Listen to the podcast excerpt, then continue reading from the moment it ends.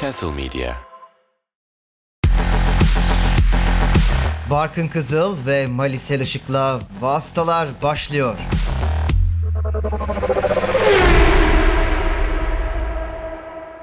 Castle Medya'da Vasıtaların 101. bölümüne hoş geldiniz değerli yarışseverler. Bu bölümde ben Barkın Kızıl, Malis Erişik'le beraber ilginç konular belirlediğimizi düşünüyoruz.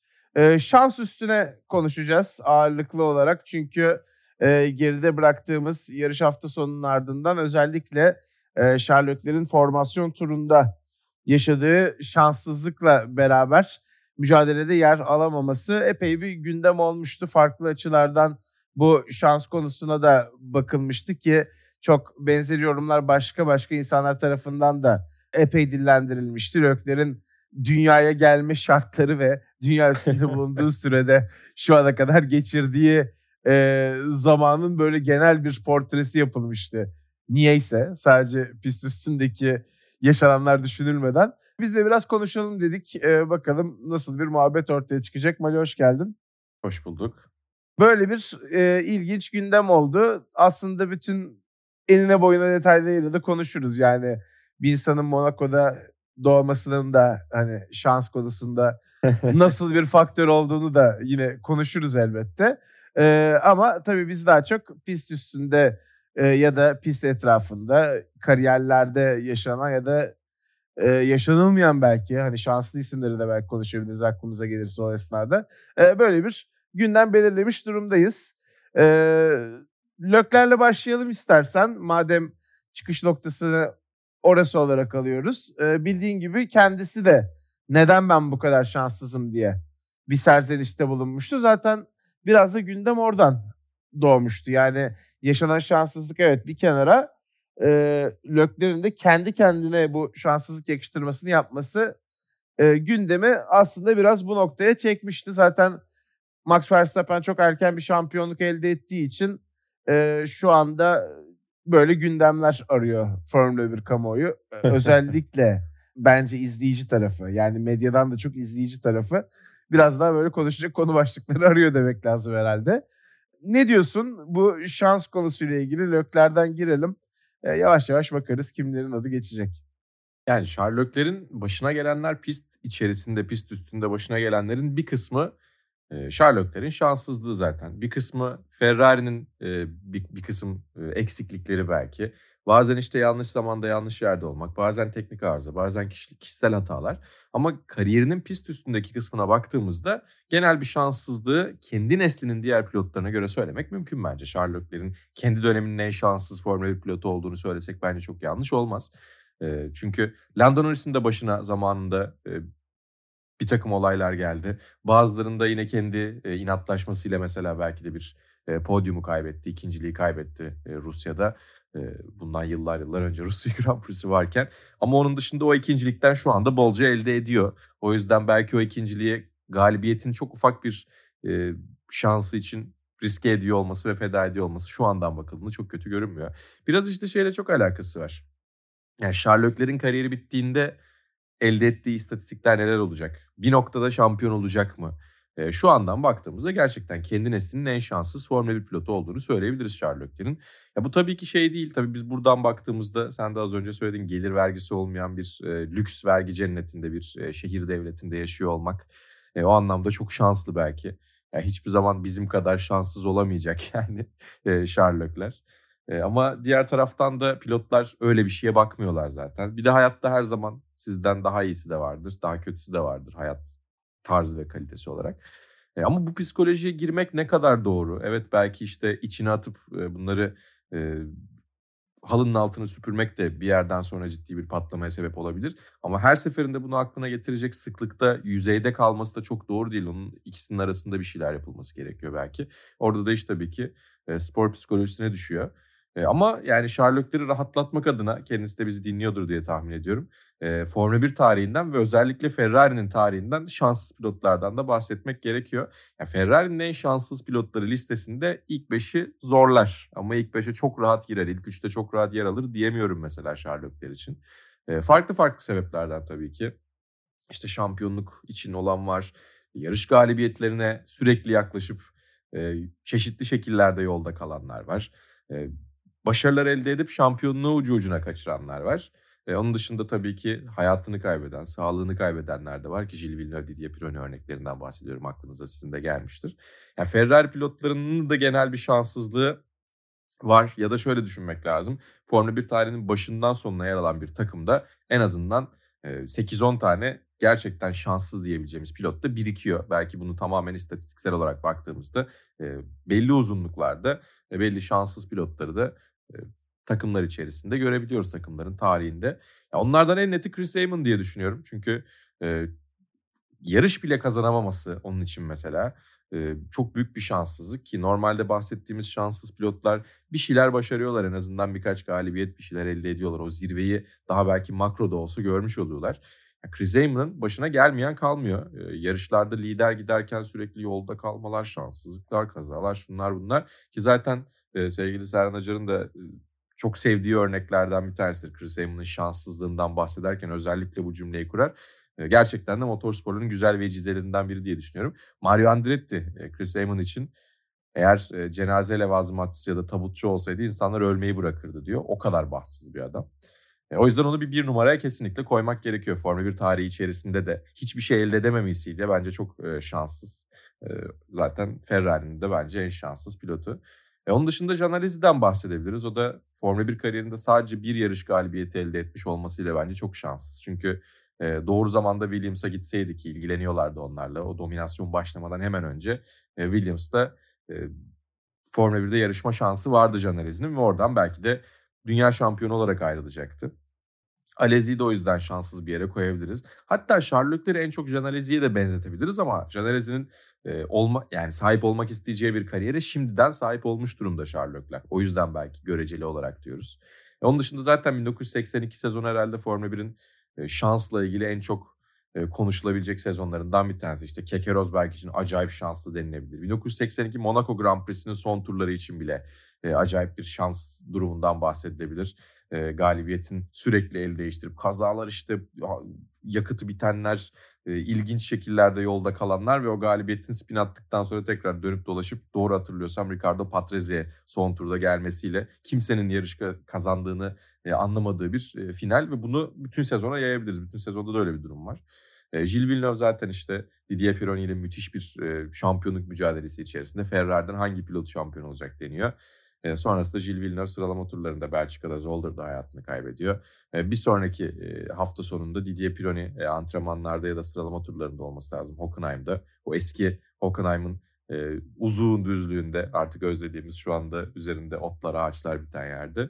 O da Alain Prost'a arkadan çarpıyor ve bacaklarını kırıyor. Onun da Formula 1 kariyeri bitiyor. O mücadeleden, o ikili kapışmadan e, hiçbiri şanslı olarak ayrılmıyor mesela. Yine Ferrari'ye denk geliyor bu. Onun dışında Massa'yı bence kesinlikle şanssız olarak değerlendirebiliriz. E, hazır 2008 şampiyonunu da e, kovalıyor hala.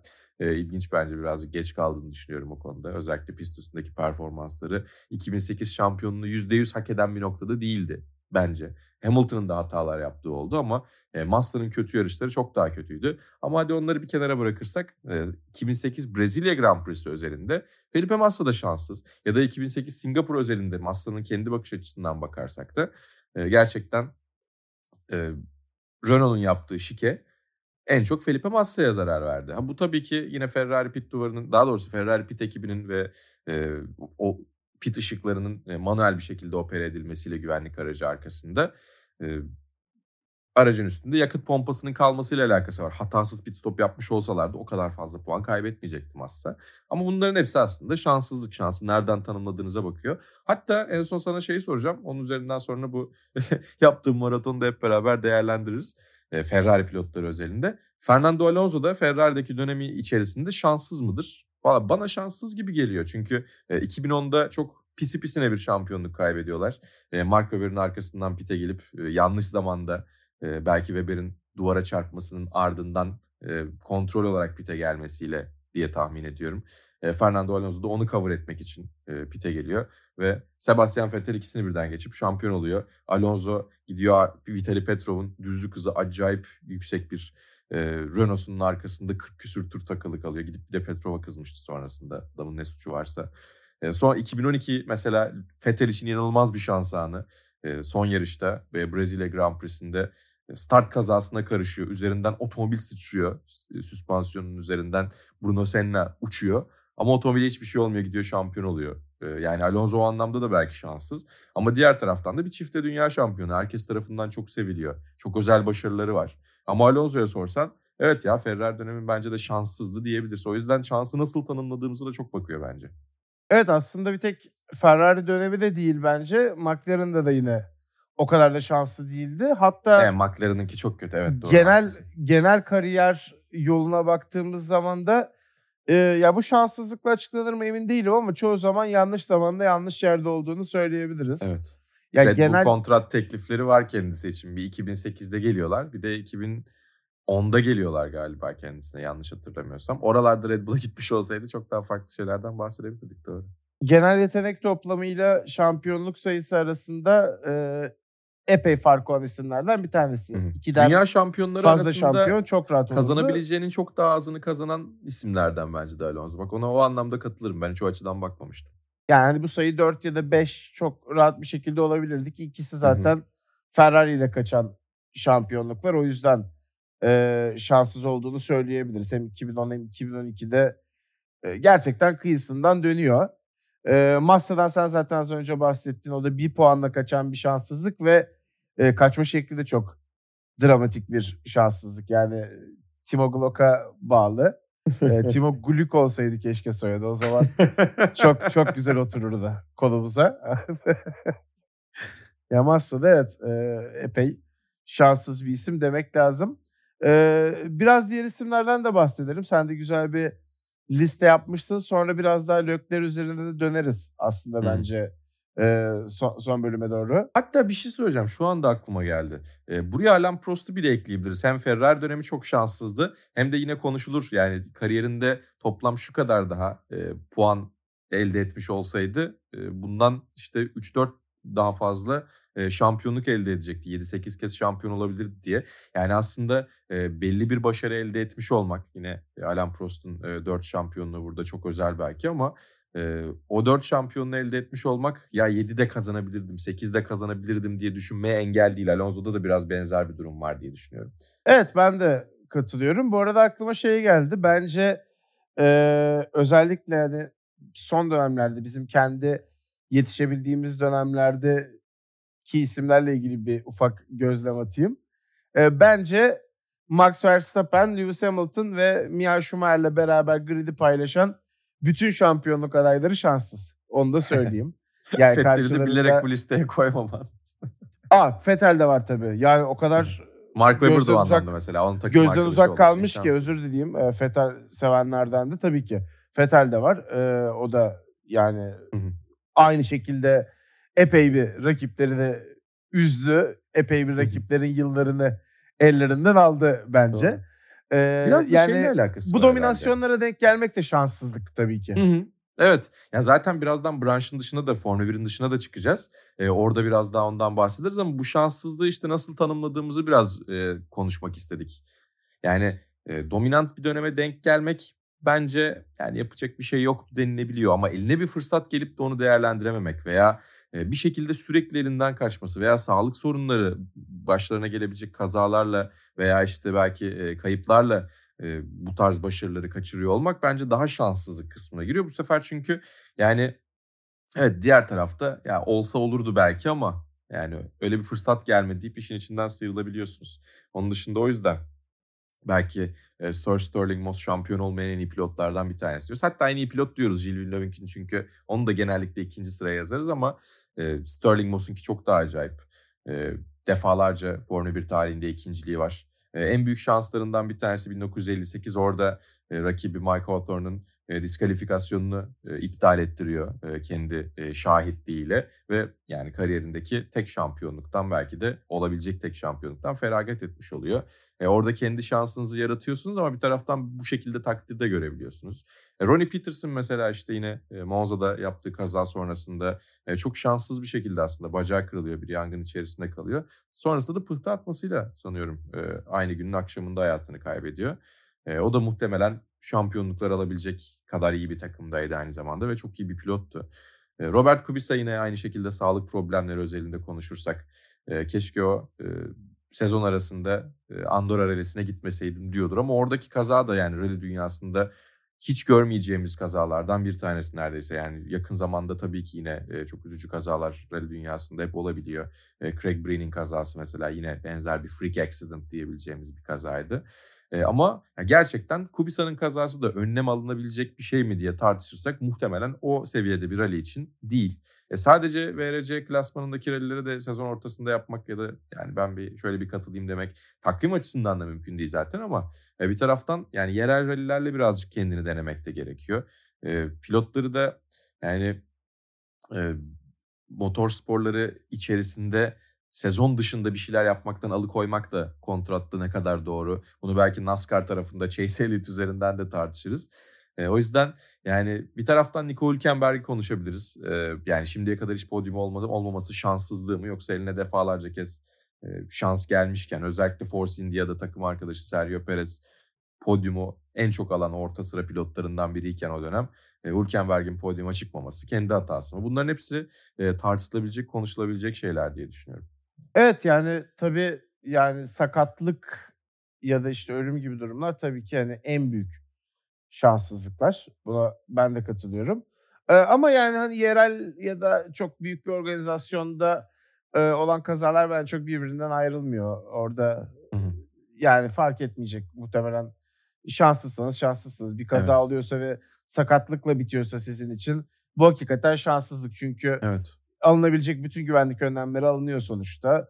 Hı hı. Ee, tabii ki her zaman motorsporlarında tehlike var. Hiçbir zaman yeterli güvenlik sağlandı diyebileceğimiz bir durum yok. Yani çok aşırı aksi şeyler olabilir ve e, yine başınıza çok kötü şeyler gelebilir. E, bu arada Robert Kubica dedin sen e, tabii yani yetenek olarak ve beklenti olarak e, hiç mesela zirvelerine yaklaşamamış oluyor sakatlık sebebiyle. E, neredeyse tek kolla sürüş yapıyor. Hatta Robert Kubica için şöyle bir parantez de açmak gerekiyor. Ee, eğer 2008'de e, BMW aracı geliştirmeye devam etseydi sezon içerisinde 2009'a odaklanmasaydı belki orada da yarışlar kazanmaya devam edecekti. Belki o 2008 Dünya Şampiyonluğu mücadelesinde Kubica da olacaktı. Ya da işte Massa'nın kafasına gelen yay bence acayip şanssız. Formula 1'in en şanssız zamanlarından bir yani tanesi.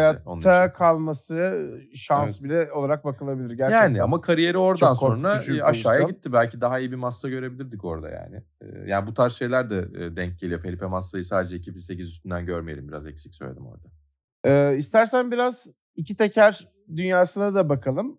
Ee, ilk aklıma gelen örnek benim e, Mark Marquez aslında. E, çünkü onun şanssızlık yaşadığı nokta e, tarihin en iyisi tartışmasında neredeyse Valentino Rossi gibi bir efsaneyle ilgili tartışmayı bitirecek bir çizgideyken e, bir anda çok başka yerlere gelmesiyle alakalı ki o sakatlık süreci de yine aslında vasıtalar boyunca takip ettiğimiz bir Hı hı. süreç oldu. Tabii Marquez gibi bu kadar göz önünde bulunan bu kadar bir e, yaşayan efsane statüsünde bir isme e, böyle garip garip şeyler olunca ki işte yani iyileşme sürecinde tekrar sakatlanması, tekrar sakatlanması esnasında içinde bulunduğu aksiyonun bir kapı kapatmaya çalışıyor olması vesaire gibi ki e, yani gerçekten sakatlıktan sonra sürekli olarak kaza yapmaya başladı. Yani acaba bir yüzdeye vurulsa ne kadar e, bir yüzde de kaç hafta sonunda yerde kalmıştır o sakatlıktan bu yana? Çok yüksek bir sayı çıkacaktır muhtemelen. E, ya bu şanssızlıkla tam olarak tanımlanamayabilir ama Marquez'in bu noktada olması e, bence büyük şanssızlık. Gerçekten çok farklı bir çizgide sadece Valentino Rossi ile isminin kıyaslanacağı bir e, noktada giderken bir anda çok e, aslında momentumunuzu kaybediyorsunuz, yıllarınızı kaybediyorsunuz. E, bence bu çok çok büyük bir şanssızlık. Mesela yani Lökler'in kendine atfettiğinden daha büyük bir şanssızlık olduğunu düşünüyorum. Yani evet çünkü diğer taraftan da şöyle bir durum var. Mark Marquez'in bu kadar iyi bir sürücü olmasının sebebi zaten diğer sürücülerin, diğer rakiplerinin limitlerinin bittiği yerde onun limitlerinin başlamıyor olmasıydı. Fakat hep konuşulan bir şeydir. Hatta yani e, motorsporlarının en iyi belgesel serilerinden bir tanesi olduğunu düşünüyorum. Mark Neal'ın e, Fastest e, ile devam eden e, örneğini oradan vereceğim çünkü o yüzden ismini. Bütün şimdi belgesel serisinin hepsinin ismini saysam mı diye düşündüm. Çok gereksiz bir listeleme olacak diye düşündüm. E, Fastest'ta e, şundan bahsediliyor. Yani kırmızı ışıklar söndükten sonra geçmiş önemli değil e, ve şans mutlaka biter. Ve o anda kim hızlıdır? Önemli olan budur diyor. Gerçekten Mark Marquez'in hikayesi de biraz öyle. Yani sağlıklı olduğu sürece e, kesinlikle bence şu anda etrafında birlikte yarıştığı, kendi döneminde hatta kendi döneminin biraz önünde biraz sonrasında kimse e, eline su dökebilecek yetenekte değil. Ama bir taraftan Mark Marquez'in bu kadar hızlı, bu kadar ulaşılmaz, bu kadar dominant olmasının sebebi de e, şu ana kadarki sakatlıklarına sebep olabilecek sürüş stili. O yüzden şansınızı kendiniz yaratıyorsunuz. O limiti siz sürekli ölçüyorsunuz. Bazen de patlayabiliyorsunuz orada. Yani özellikle tabii ki e, Moto2 şampiyonluğu için mücadele ederken ki çift görüş diplopyası belki biraz daha şanssızlık oradaki kaza. O sezon içerisinde Mark Marquez çok güdümsüz füze, füze gibiydi. E, o dönemde çok eleştirdiğimi hatırlıyorum hatta kendisini. Yetenekten de bu kadar anlıyormuşum işte. E, ama e, özellikle tabii ki yine e, 2020 sezonunun başlangıcında Endülüs Grand Prix'sindeki e, Jerez'deki o kazası bence Mark Marquez'in o limitlerle karşılaştığında hep kurtuluyor olmasının getirdiği bir psikolojik rehavetti diye düşünüyorum. Çünkü yani inanılmaz bir tempoyla pist dışına çıktıktan sonra bir kez şanslı olduktan sonra ki 17.liğe falan düşmüştü. çok rahatlıkla yetişip Fabio Quartararo'yu geçecek gibi görünüyordu. Veya ikincilikte razı olabilirdi. ikinciliğe razı olabilir. Orada kalabilirdi. Ama o zorlamayı tercih etti. Aynı yerde aynı virajda bir, bir kez daha kaza yaptı. Bu kez virajın biraz daha ön kısmında. E, büyük bir high side. Sonrasında tabii ki şanssızlığı e, motosikletin ön tekerleğinin gelip e, pazı kemiğini e, humerus'u e, kırmasıydı. E, o yüzden pazu kemiğini, pazı değil bu arada. Onu da düzelteyim. E, humerus kemiğini kırmasıydı. Çünkü evet yani köprücük kemiği kırılıyor çok kolay bir şekilde e, ki yani motosikletçiler standartında söylüyorum. Yani çok kolay bir şekilde e, tedavi ediliyor oraya hemen metalleri yapıştırıyorlar. Üç gün sonra tekrar piste çıkıyorlar ki öyle zamanda Jorge Lorenzo da yaptı. Bu sene Marco Bezzecchi yaptı. E, fakat e, humerus kemiği çok daha sıkıntılı. Oradan sinirler geçiyor. Bu sefer e, sol kolunuzun kontrolünü veya işte sol kolunuzun e, sol kolunuzdaki hissiyatı kaybedebilme ihtimaliniz oluyor. E, bir de üstüne bir sonraki yarış arka arkaya geliyordu bir de işte. Orada bir sonraki yarışta da e, hemen mücadele edebilmek için biraz apar topar bir ameliyat yapmış belli ki e, Doktor Mir ve ekibi ki normalde o da çok iyidir. Yani e, Daniel Ricciardo'nun da mesela kırılan parmağını o e, tedavi etti. Sonrasında işte bir e, hemen 2-3 gün sonra hatırlıyorsun Barkın sen de e, antrenman videosu paylaşmıştı Mark Marquez böyle şınav çekiyor işte ağırlık kaldırıyor falan. Eyvah dedik yani bu bir daha sakatlayacak çok belliydi. Sonrasında bir sürgülü kapıyı açarken garip bir açıyla denk geldiği için kolundaki titanyum bükmüş zaten. Oradan sonra bir, birkaç tane daha ameliyat işte kolu normalde olması gerekenden 20 derece daha rotasyonlu kaynamış falan derken en son gitti e, Mayo Clinic'te e, Amerika'da düzelttirdi kolunu ama bu süre içerisinde çok ciddi bir e, eziyet çekmiş oldu. E, fakat kafa aynı kafa hala yani önümüzdeki sene e, çok ilginç bir şekilde Gresini Ducati'de bu yılki Ducati'leri kullanıyor olacak 2023 Ducati'sini kullanacak. E, yine de sağlıklı olduğu şekilde sağlıklı olduğu takdirde Mark Marquez açık ara şampiyonluk iddialısı. Yani sevgili İzgecan Günal da onu da buradan almış olalım. E, Twitter'da bu konudan aynı şekilde bahsetmişti. Yani Gresini Ducati'de Mark Marquez hızlı olur mu değil. Mark Marquez önümüzdeki sene bütün sezonu sağlıklı geçirebilir mi? Şampiyonluk için olması gereken tek şey sağlıklı kalması. E, ve çok acayip bir şey bence bu. O yüzden dediğim gibi Mark Marquez evet bu sakatlık sürecinde şanssızdı.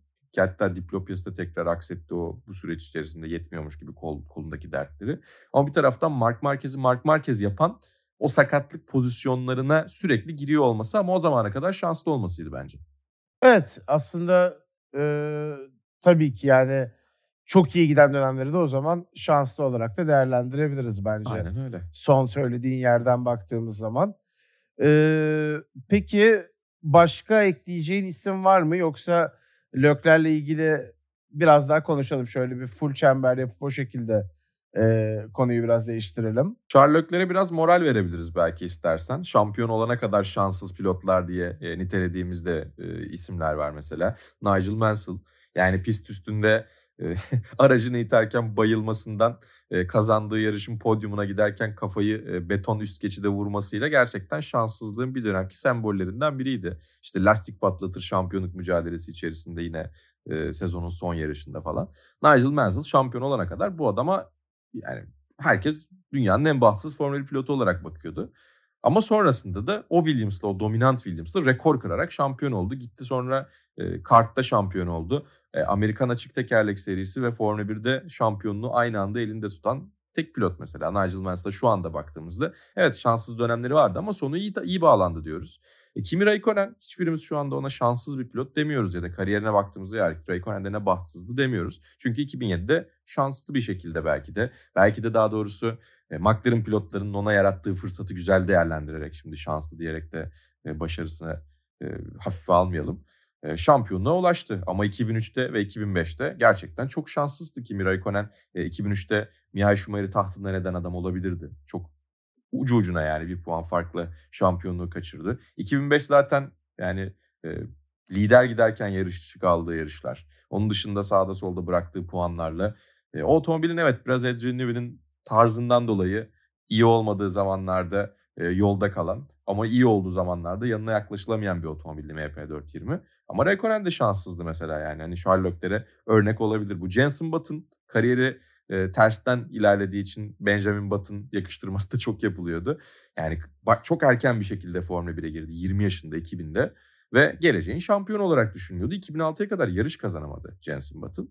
Ama sonra 2009'da çok şanslı bir şekilde e, Brown GP ile e, Formula 1'in en acayip hikayelerinden bir tanesine imza attı. Leicester City şampiyonluğu aldı. Oradan sonraki kariyeri de gayet e, saygıdeğer bir kariyerdi. Öncesi değildi diye söylemiyorum ama sonrasında McLaren'da özellikle Lewis Hamilton'a karşı elde ettiği başarılar, sezonda Hamilton'ı mağlup etmesi falan derken Jenson Button'ın da şansı orada döndü. O yüzden Sherlock'ler şu ana kadar şanssız ama kendisi bizi dinliyordur. Charles üzülme senin şansın dönebilir. E, sonunda şampiyon olacaksan bir gün e, o zaman kimse bu şanssızlıklarını kötü şekilde hatırlamayacak sen dahil.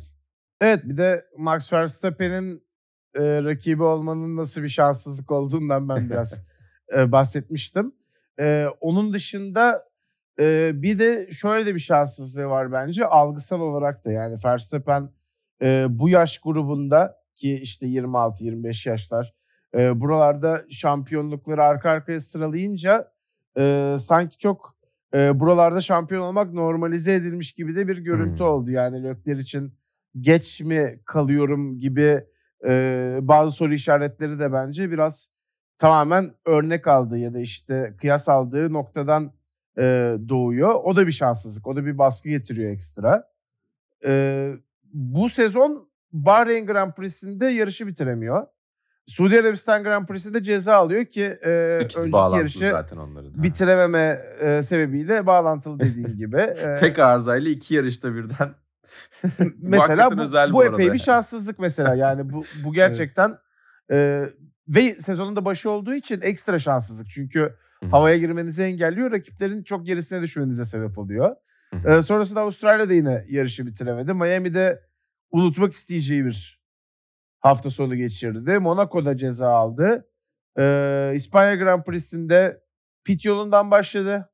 Kanada'da Ferrari'nin kurbanı olduğu Avusturya Grand Prix'sinde yine sprintte cezası var. Hı hı. Ee, Macaristan Grand Prix'sinde yine büyük şanssızlığı var. Hollanda'da yarışı bitiremedi. Singapur'da soğutma problemi yaşadı. Katar'da bir de kötü sprintte Singapur'da zaten. Yine ceza. Ee, zaten taban aşınmasından dolayı ABD'de diskalifiye oldu. Brezilya'da da zaten bizim Yarışa başladı. bu konuşmayı yapmamıza sebep olan olayı yaşadı. Ya hakikaten şöyle bir baktığımız zaman şanssızlık. Ya bunu artık inkar edecek bir durum yok. Şey diyebilir miyiz peki Barkın? E, Lökler'in 2023 sezonunda yaşadığı şanssızlara, şanssızlıklara kitap yazılırdı. Ve son cümlesi 2022'de daha şanssız da olurdu. ya da olabilir. Ya da kariyerinde daha şanssız. Yani... Ya geçen sene çok daha şanssız. Ya da ne bileyim Monaco Grand Prix'sindeki e, Lökler ailesinin bir de Arthur Lökler de bu sene F2'de. Monaco'da çok şanssızdı falan. Ya var gerçekten bir şanssızlık var onu inkar etmemek lazım.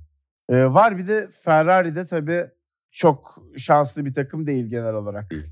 Yani gerçekten çok abuk subuk işlerin başına en çok geldiği büyük profilli takım. Hı hı. Ee, ve bu şanssız kombinasyon bir araya gelince de belki de yani daha da büyük bir etki yaratıyor. Hem Leclerc'in bireysel şanssızlığı hem Ferrari'nin e, bu kadar zaten adeta problem mıknatısı olması gerçekten işleri pek kolay bir hale getirmiyor bence. Onu da söylemiş olayım. Ee, var mı eklemek istediğim bir şey? yine var diyeceğim yine uzatacağım ama. Tamam. Birazdan diğer branşlara geçeceğiz ya o konuşmak yüzden için buradayız. belki diğer branşlardan da o anlamda bahsetmek gerekiyor. E, iki tekerden kısaca bahsettik Marquez özelinde ama e, senin söylediğin nokta çok güzel bir nokta bence. E, dominant dönemlere denk gelenler ki az önce saydın zaten Formula 1'de. E, bir taraftan şey oluyor yani bunlar varken ben zaten şampiyon olamayabilirdim. Elde ettiğim başarılar benim için yeterli demek de gerekebiliyor. Ya bunun en net örneklerinden bir tanesi yine e, MotoGP'de Max Biaggi diye düşünüyorum. Valentino Rossi diye bir sürücü olmasaydı, e, Rossi e, küçüklükte otomobili tercih etmiş olsaydı, başka bir spor dalında başarılı olsaydı veya sadece Tavulya'da bir e, genç olarak hayatına devam ediyor olsaydı, oradan dışarıya çıkmıyor olsaydı, e, Max Biaggi şu anda MotoGP'nin en büyük efsanelerinden biri olarak muhtemelen anacaktık. E, Max Biaggi'nin şampiyonluğu yok. E, çok acayip bence. E, Dani Pedrosa e, dönemden döneme önce Rossi'ye denk gelip dönem olarak Rossi'nin prime'ına denk gelip sonrasında e, Casey Stoner'a denk gelip e, Jorge Lorenzo'ya denk gelip üstüne bir de Mark Marquez'in prime'ına denk geldiği için üstüne Bu olacak bir de iş değil bu arada mesela. ya bu yani Pedrosa'nınki inanılmaz mesela. Acayip bir döneme denk geliyor ki o uzaylılar arasında Pedrosa'yı da sayabiliriz ama şampiyonluğu yok. E, ve üstüne yani şampiyonluk elde edebileceği e, en e, muhtemel sezonlarda da sakatlıklar yaşıyor. E, 2012 idi yanlış hatırlamıyorsam. Köprücük kemiğini kırdı. E, 2012 olması lazım yanlış hatırlamıyorsam eğer. Bilmiyorum. Bir daha bir bakmak lazım onlara. Onun dışında tabii Pedrosa bence o konuda dediğim gibi çok başka bir seviyede. Ama e, Andrea Dovizioso mesela Mark Marquez'e denk geldiği için belki bir şampiyonluğu yok. E, Andrea Dovizioso bir 5 yaş daha küçük olmuş olsaydı şu anda belki MotoGP'deki şampiyonlardan bir tanesi olabilirdi. Quartararo, Bagnaia, e, işte Jorge Martin e, neslinde olmuş olsaydı, şu anki nesilde olsaydı Dovizioso'dan bir şampiyonluk görebilirdik diye düşünüyorum. E, ama tabii ki o da e, Mark Marquez'de dişe diş bir şampiyonluk mücadelesi verebildiği için o şampiyonluk fotoğraflarında e, Mark Marquez'in rakibi olarak yer aldığı için belki şanslı bile görmek gerekiyor. Dovizioso kesinlikle böyle düşünmeyecektir. E, onun dışında şimdi Superbike'a geçeceğiz. Madem oradan bir örnekle bağlayayım. E, Superbike Dünya Şampiyonası'nda en şanssız isimlerinden bir tanesi yine tırnak içinde söylüyorum. Ama bir taraftan da en başarılı isimlerinden bir tanesi Noriyuki Haga. Yani şampiyonluk denk gelmemiş olması ona, bir şekilde şampiyon olamamış olması gerçekten Haga'nın şanssızlığı. Çünkü takım iyi, motosiklet iyi, Haga iyi. E, ama bir şekilde e, o şampiyonluk ona denk gelmedi. Ve çok uzun bir e, Superbike Dünya Şampiyonası kariyerinde çok uzun yıllar boyunca başarılı oldu Haga ama hiçbir zaman en başarılı olamadı. O da denk gelebiliyor, olabiliyor. Haga be diyoruz bu şanssızlığına. e, Ducati ile tabii en çok yarış kazanan isimlerden bir tanesi olma e, noktasına gerilemiş oldu. Bautista'nın bu sezonki Hı hı. e, yarış rekorlarının, daha doğrusu galibiyet rekorunu kırmasıyla beraber. E, diyerek şöyle bir sezon içinde bir bakış atalım. Superbike Dünya Şampiyonası'nda neler oldu. Mesela burada benim aklıma gelen de bir örnek var. Michael van der Mark yani yerden kalkamıyor sürekli. Sakat sürekli kaza ve şanssızlık sürekli onun başında. Ee, mesela ben bunu toprağa sorma şansına sahip oldum. Şanssızlıktan çok onun mesela tarzıyla ilgili diyor. Yani Hı hı. biraz aslında belki dışarıdan gözüken bazı şeylerin de e, kişinin kendine getirmiş olduğu durumlar olduğunu da söyleyebiliriz belki. Hı hı. Bu önceden bahsettiğimiz isimler için bu geçerli olabilir ya da olmayabilir.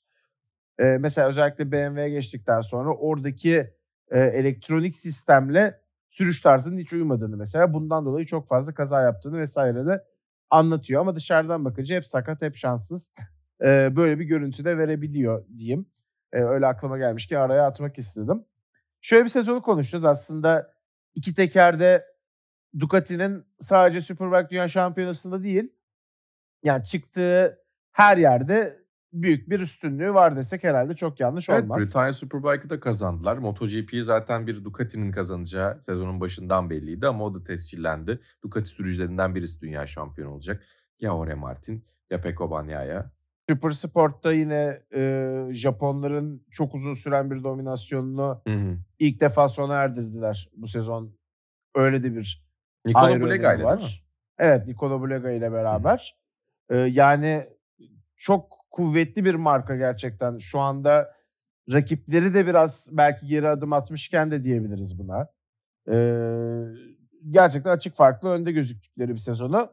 Çok da net bir şekilde e, alabilecekleri her şeyi alarak galibiyetle tamamladılar. Alvaro Bautista zaten sürücüler şampiyonu oldu. Takımı Araba Ducati takımlar şampiyonu oldu. Ducati markalar şampiyonu oldu. Aynı zamanda e, bağımsız sürücüler şampiyonasında da yine Aksel Bastani o da bir Ducati sürücüsü şampiyon olmayı başardı. E, zaten hani bu tabloya baktığımız zaman geri kalanların aslında ne kadar neler ortaya koyabildiğini e, biraz da bence buradan tartmak lazım. Yani Ducati'yi çok yüksek bir yere koyarak Hı hı. e, kıyaslamak lazım. Ve Toprak Razgatlıoğlu böyle bir atmosferde ki o da bence hakikaten çok şanssız bir sezon geçirdi. Tabii. Ve şanssız bir dönem de geçirdi Yamaha'da. Hı hı. Yani yakıtı biten sadece toprak oldu. Evet. Mekanik Ee, lastik patlatan- geldi. Çok az sayıda isimden bir tanesi toprak oldu ki momentum almış gidiyordu Çek Cumhuriyeti yarışı Most. Hı hı. Ee, bu sezonun kırılma yarışlarından bir tanesi. Ee, belki de sezonun en iyi performansını ortaya koyduğu yarışta lastik patlatıyor ve e, maalesef kenardan Bautista yine sevinmesini izlemek zorunda kalıyor ki e, toprağın yani %100 hak ettiği yarışlardan bir tanesiydi. Hı hı. E tabi böyle durumlar oluşunca, böyle şanssızlıklar olunca da e, ne kadar iyi olursanız olun ki çok iyiydi gerçekten sezonu Toprak Razgatlıoğlu'nun. E, çok başka bir çizgide olduğunu, bu gridin sadece saf sürüşe bakıldığında, motosikleti e, uzuv gibi kullanma konusuna bakıldığında çok başka bir yerinde durduğunu gösterdi. Yani bir Mark. Marquez gibi e, ya da belki Valentino Rossi gibi önceki örneklerden gidersek. Hani toprak ve diğerleri şeklinde bir tablo oluşturduğunu gördük. Çok net. Ee, ama yani olduğu yerde bir şanssızlık tabii bir, bir nebze. Yani Yamaha hakikaten toprak sayesinde kazandı. Ee, toprak Yamaha sayesinde kazanmadı şampiyonluğu. Onu söyleyebiliriz. Ki o yılda çok şanssızdı. Yani o yılda da başına yine acayip şeyler geldi şampiyon olduğu yılda da. Tabii tabii. Yani süreci uzattı belki de hatta. Bizim Evet. için daha gerilimli bir hale getirdi. Ee, ama bu sezona baktığımız zaman gerçekten yani çok saygıdeğer bir mücadele Toprak Razgatlıoğlu'ndan. Her zaman Ee, ki-. Superbike'ın en büyük efsanesi olarak belki anacağımız işte üst üste 6 şampiyonluğu olan, yarış rekorlarında çok başka bir noktada olan Jonathan Ray e, zaman zaman silindi gitti sezonda. Öyle bir Ducati dominasyonu vardı. Yani kafa tutabilecek olmak bile gerçekten şampiyonluk kadar kıymetli neredeyse. Toprak bunu sonuna kadar yaptı. O yüzden e, kendisine ben buradan bir kez daha tebrik etmek istiyorum. Çok bizi heyecanlandırdığı, hop oturup hop kaldırdığı bir sezon geçirdiğimizi düşünüyorum.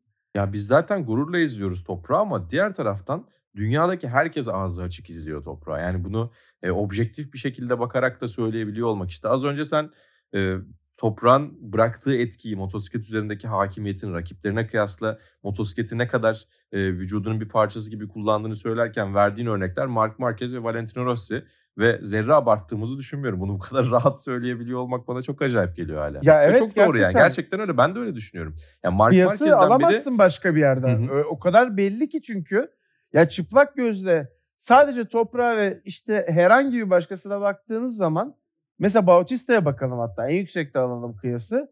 Yani diyorsunuz ki Bautista evet çok hızlı çok çok hafif de aynı zamanda motosikleti de gerçekten düzlüklerde bambaşka bir noktada ve e, onlara uygun çok pist var. Yamaha'ya doğrudan uygun diyebileceğimiz e, belki bir belki iki pist olan bir şampiyonadan bahsediyoruz ki uzun soluklu bir maraton bu. Bu da Ve kafa Yamaha kafaya yazar bu arada onu da söyleyeyim. Yani takvim belli çünkü. Ya evet tabii ki ama yani zaten e, Ducati'nin bütün rakiplerine yazar bence onlar kadar hızlı olamamak. Doğru. Hı hı. E, o yüzden hani ona bir şey demeyeyim de çok çok farklı bir noktada durduğu kesin bence toprağın. Hı hı. Bence de.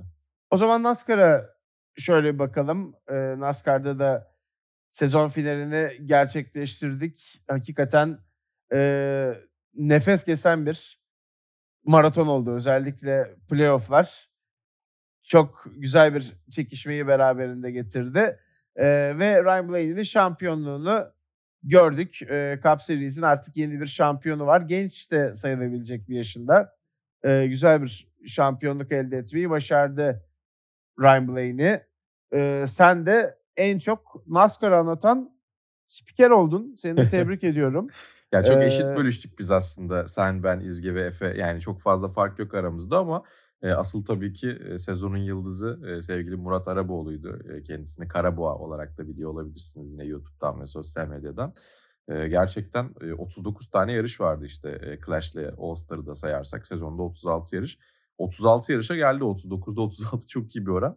Onun İnanılmaz. sayesinde biz de e, sezonu güzel bir şekilde kaldığımız yerden devam ettirebildik. Çünkü hepimizin farklı yoğunlukları olduğu için üst üste çok fazla denk gelmeyebiliyordu ya da iki NASCAR anlatımının arasından bir buçuk ay geçmiş olabiliyordu. O arayı biz tabii ki çalışarak kapatmaya çalışıyorduk ama Murat o noktalarda da bence bize çok yardımcı oldu. Bir de sohbeti çok keyifli. Uzun NASCAR yayınlarında onunla sohbet ederek, şakalaşarak, gerektiği zaman analiz şelalesi şeklinde bu işin derinlerine de dalarak çok kaliteli yayınlar yaptığımızı düşünüyorum.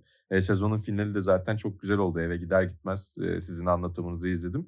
Ya sezonun son turları gerçekten çok acayipti işte bu. NASCAR'da e, yine Murat'ın verdiği bir örnekti sezon başında. Bunu sezona da yayabiliriz. Yarışlarda NASCAR'da startta bir şey olmuyor. E, ama finişi çok heyecanlı oluyor diyordu. E, Formula 1'in veya Avrupa Motorsporları'nın tam tersine. E, sezonda da böyle bir durum var. Yani sezonun başlangıcı playoff'lara kadar neredeyse bireysel yarışlar gibi öyle çok bir ya bu sezona şöyle bir etki eder diyebileceğimiz sadece form var ki o bile Martin Truex Jr.'ın e, playoff'lara geldikten sonra bir anda e, enerjisinin bitmesiyle, rüzgarının sönmesiyle e, o bile çok farklı değil yani onu görebiliyoruz. Playoff'a kaldıktan sonra e, kafadan tamamen e, şeyi silebiliyorsunuz. E, yani galibiyet işte mücadelesi vermeyi Playoff'a silebiliyorsunuz. kalma puanları var. Hani onu aslında takip ediyoruz gibi Ama oluyor. Truex Kimler mesela yine çok iyi puanlarla geldi. Bir tek William Byron. Yani iki tarafı da görebiliyoruz o anlamda söylüyorum. Ee, ama sezonun son bölümünde gerçekten çok keyifli oluyor. Ee, bu playoff sistemiyle. Ya bu playoff sistemi bence e, Avrupa'da tutmaz ya da Formula 1'de tutmasını istemem ama NASCAR için bence güzel. Ee, tabii ne, çok uzun zamandır NASCAR takip edenler için belki bir e, şey olabilir bu. E, çok eski usule uymuyor denilebilir. Stage'ler konusunda özellikle e, NASCAR taraftarlarından e, öyle şikayetler var. Ama gerçekten sezonun son bölümüne giderken heyecanı e, arttırmayı garantiliyor olduğu için e, ben bu playoff sistemini beğendim doğrusu. Ya final sistemini konuştuk ya ben hatta çok Evet. RNG'yi demiştim yani tamamen e, rastgele e, bir sonuç verebilir. Çünkü bir gün yaşayacağınız bir şanssızlık e, size bütün sezon emeğinden edebiliyor ki e, aslında hani böyle herkesin denk puanlarla geldiği bir şampiyonluk yarışı gibi de bir senaryo yazıyor. Bu mesela çok enteresan bir formül. Yani düşünsene bunun Formula 1'de olduğunu. Mesela Max Verstappen sezonu bu kadar domine ediyor. Son güne geliyor. Son gün e, işte takibindeki işte kim olsun? Üç rakibi daha normal puan Üç rakibi verelim. çıkmıyor bu arada neredeyse playoff'a kazanarak kalıyorsun ya. Ya tabii tabii. Garanti Mesela bir kişi puanla kalıyordu şu anda F1'de bir playoff sistemi olsaydı. Diyelim ki Verstappen, Perez, Hamilton, Alonso şu anki mevcut ilk dördümüz. e, bir şampiyonluk yarışına çıkıyor ve Max Verstappen buraya 500 puanla gelmiş. İşte diğerleri 200'lü puanlarda gelmişler. Max Verstappen bir lastik patlatıyor ve başkası şampiyon oluyor. Yani Evet biraz haksızlık o. düşünemiyorum bile. Evet. Düşünemiyorum bile. Nasıl bir kamuoyu oluşur, nasıl bir gündem oluşur. NASCAR bunu yapıyor ya. Bu çılgınlık bence. Tabii şu Zaten bu Christopher Bell de mesela olmasaydı Problem yaşadı ve şampiyon olamadı. Bütün sezonun emeği bir frenin ısınması noktasında gitmiş Evet, oldu. mesela. Ya da şey diyebilirsin. e, Bu sezonun açık ara e, en hızlı açık ara demeyeyim. Kyle Larson da çok iyiydi ama bu sezonun açık ara en iyi takımı içerisinde bulunan pilotlar şampiyon olamamış oldu. E, Hendrick'ten William Byron acayip iyi bir sezon geçirdi. Canavar gibiydi. En formda takım olmasa- hatta belki. Aynen öyle tabii ki. Yani bir de playoff sistemi olmasaydı William Byron şampiyon oluyordu. Kyle Larson öte yandan sonlarda bir bu arada yine şansı vardı pitlerde. Hendrick onu öne geçirmeyi başardı fakat Ryan Blaney pist üstünde geçerek şampiyon oldu. E, o da çok verimli bir yıl geçirdi diyebiliriz Ryan Blaney için. İhtiyacı olmayan hiçbir yarışı kazanmayarak şampiyon oldu. E, kazandığı yarışlar 3 aslında. E, tabii sezonun uzun bir maraton olduğundan bahsetmiştik. Ben e, Charlotte'daki Coca-Cola 600'den bahsedeceksin diye düşündüm. E, yaklaşık 5 saat süren yarış ve 6 saate yakın bir e, anlatım yapmıştık sevgili Murat'la. E, ilginç bir e, yarıştı o bizim için. E, sezon içerisinde playoff'lara kalmak için kazandığı tek yarış oydu Ryan Blaney'nin. Sonrasında Tallahagga'da kazandı bir Yellowwood 500'da. E, 12 roundunda, son 12'de. Bir de üstüne Martinsville'de Xfinity 500'ü kazandı. Demin 500 demek çok iyi gelmedi. O yüzden tekrar 500'e döndüm. E, orada da son 8'de bir yarış kazanarak son 4'e kalmayı başardı. Ve e, bu playoff sistemine bu şekilde e, stage'li bir şekilde yani son sisteme geçildiğinden beri de son yarışı kazanmadan şampiyon olan ilk pilot oldu. orada da Ross Chastain yarışı kazandı. İkinci olarak şampiyon oldu. Oldukça ilginçti bence. Yeni sistemde en az galibiyetle şampiyon olan ikinci pilot olmuş oldu. Diğeri de takım arkadaşı Joey Logan'ın ilk şampiyonluğu. O da 3 yarış kazanarak şampiyon olmuş. Onun dışında hep çok daha fazla galibiyetlerle şampiyonluklar görüyoruz. Belki biraz senin de söylediğin gibi sezon boyunca elde edilen bir başarıdan ziyade son yarışta ne kadar iyisiniz biraz ona bakıyor. Belki o anlamda eleştirilebilir. Ama bu tabii ki pilotların ve takımların derdi. Ben acayip heyecanlı gördüm. Ben çok heyecanlı bir şekilde evde takip ettim. Ee, evet evet ben geldi. de yani anlatımda gerçekten o heyecanı epey bir hissettim. Çünkü her anın çok büyük kıymeti oluyor. Öyle bir sona gidiyorsunuz ki ve tabii senaryo olarak da iyiydi. Yani şampiyonluk adayları peş peşe geldiler bir noktada ve hiç ayrılmadılar birbirlerinden.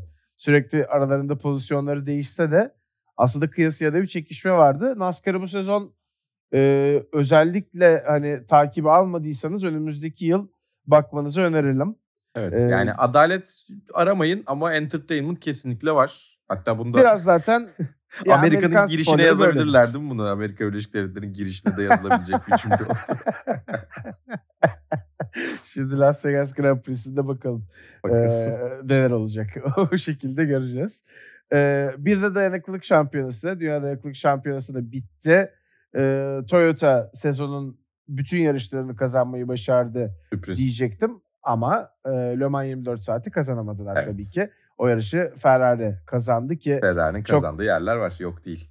Yani çok büyük bir sükse olduğunu söyleyelim evet, tabii kesinlikle. ki. Yani 50 yıllık bir aranın ardından gelip burada çok uzun zamandır var olan ve tamamen krallığını ilan eden Toyota'nın önünde kazanıyorsunuz. Bu e, çok kolay bir iş değil. E, böylece Antonio Giovinazzi mesela bir Le Mans galibi oldu. E, sezonun bitimiyle beraber de yine Robert Kubica bu bölümde andığımız isimlerden bir diğeri. O da bir dünya şampiyonluğu hı hı. elde etti. E, LMP2 ve GTE sınıflarının son sezonuydu bu. Önümüzdeki yıldan itibaren artık iki kategori izleyeceğiz. E, GT yerine GT3 geliyor. Hiperotobi sınıfı da aynen devam edecek.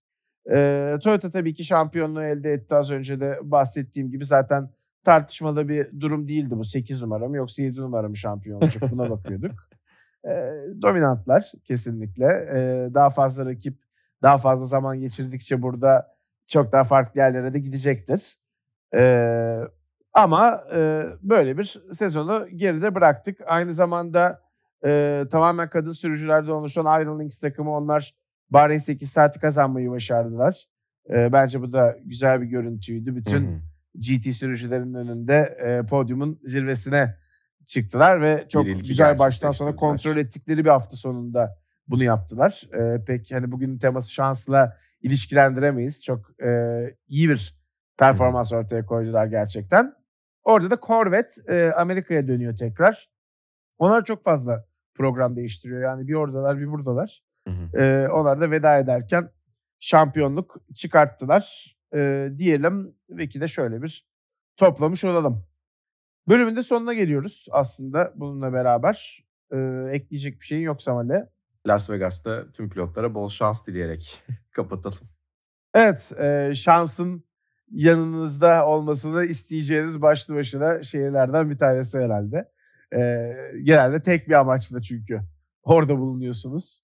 E, bakalım kimler şanslı olacak, kimler e, şanssızlığı yaşayacaklar. Kumarı kim kazanacak, kim kaybedecek. Bunların hepsini göreceğiz. Max Verstappen masa mı her zaman kazandığı için? Bu sorunun da cevabını arayacağız Las Vegas'ta.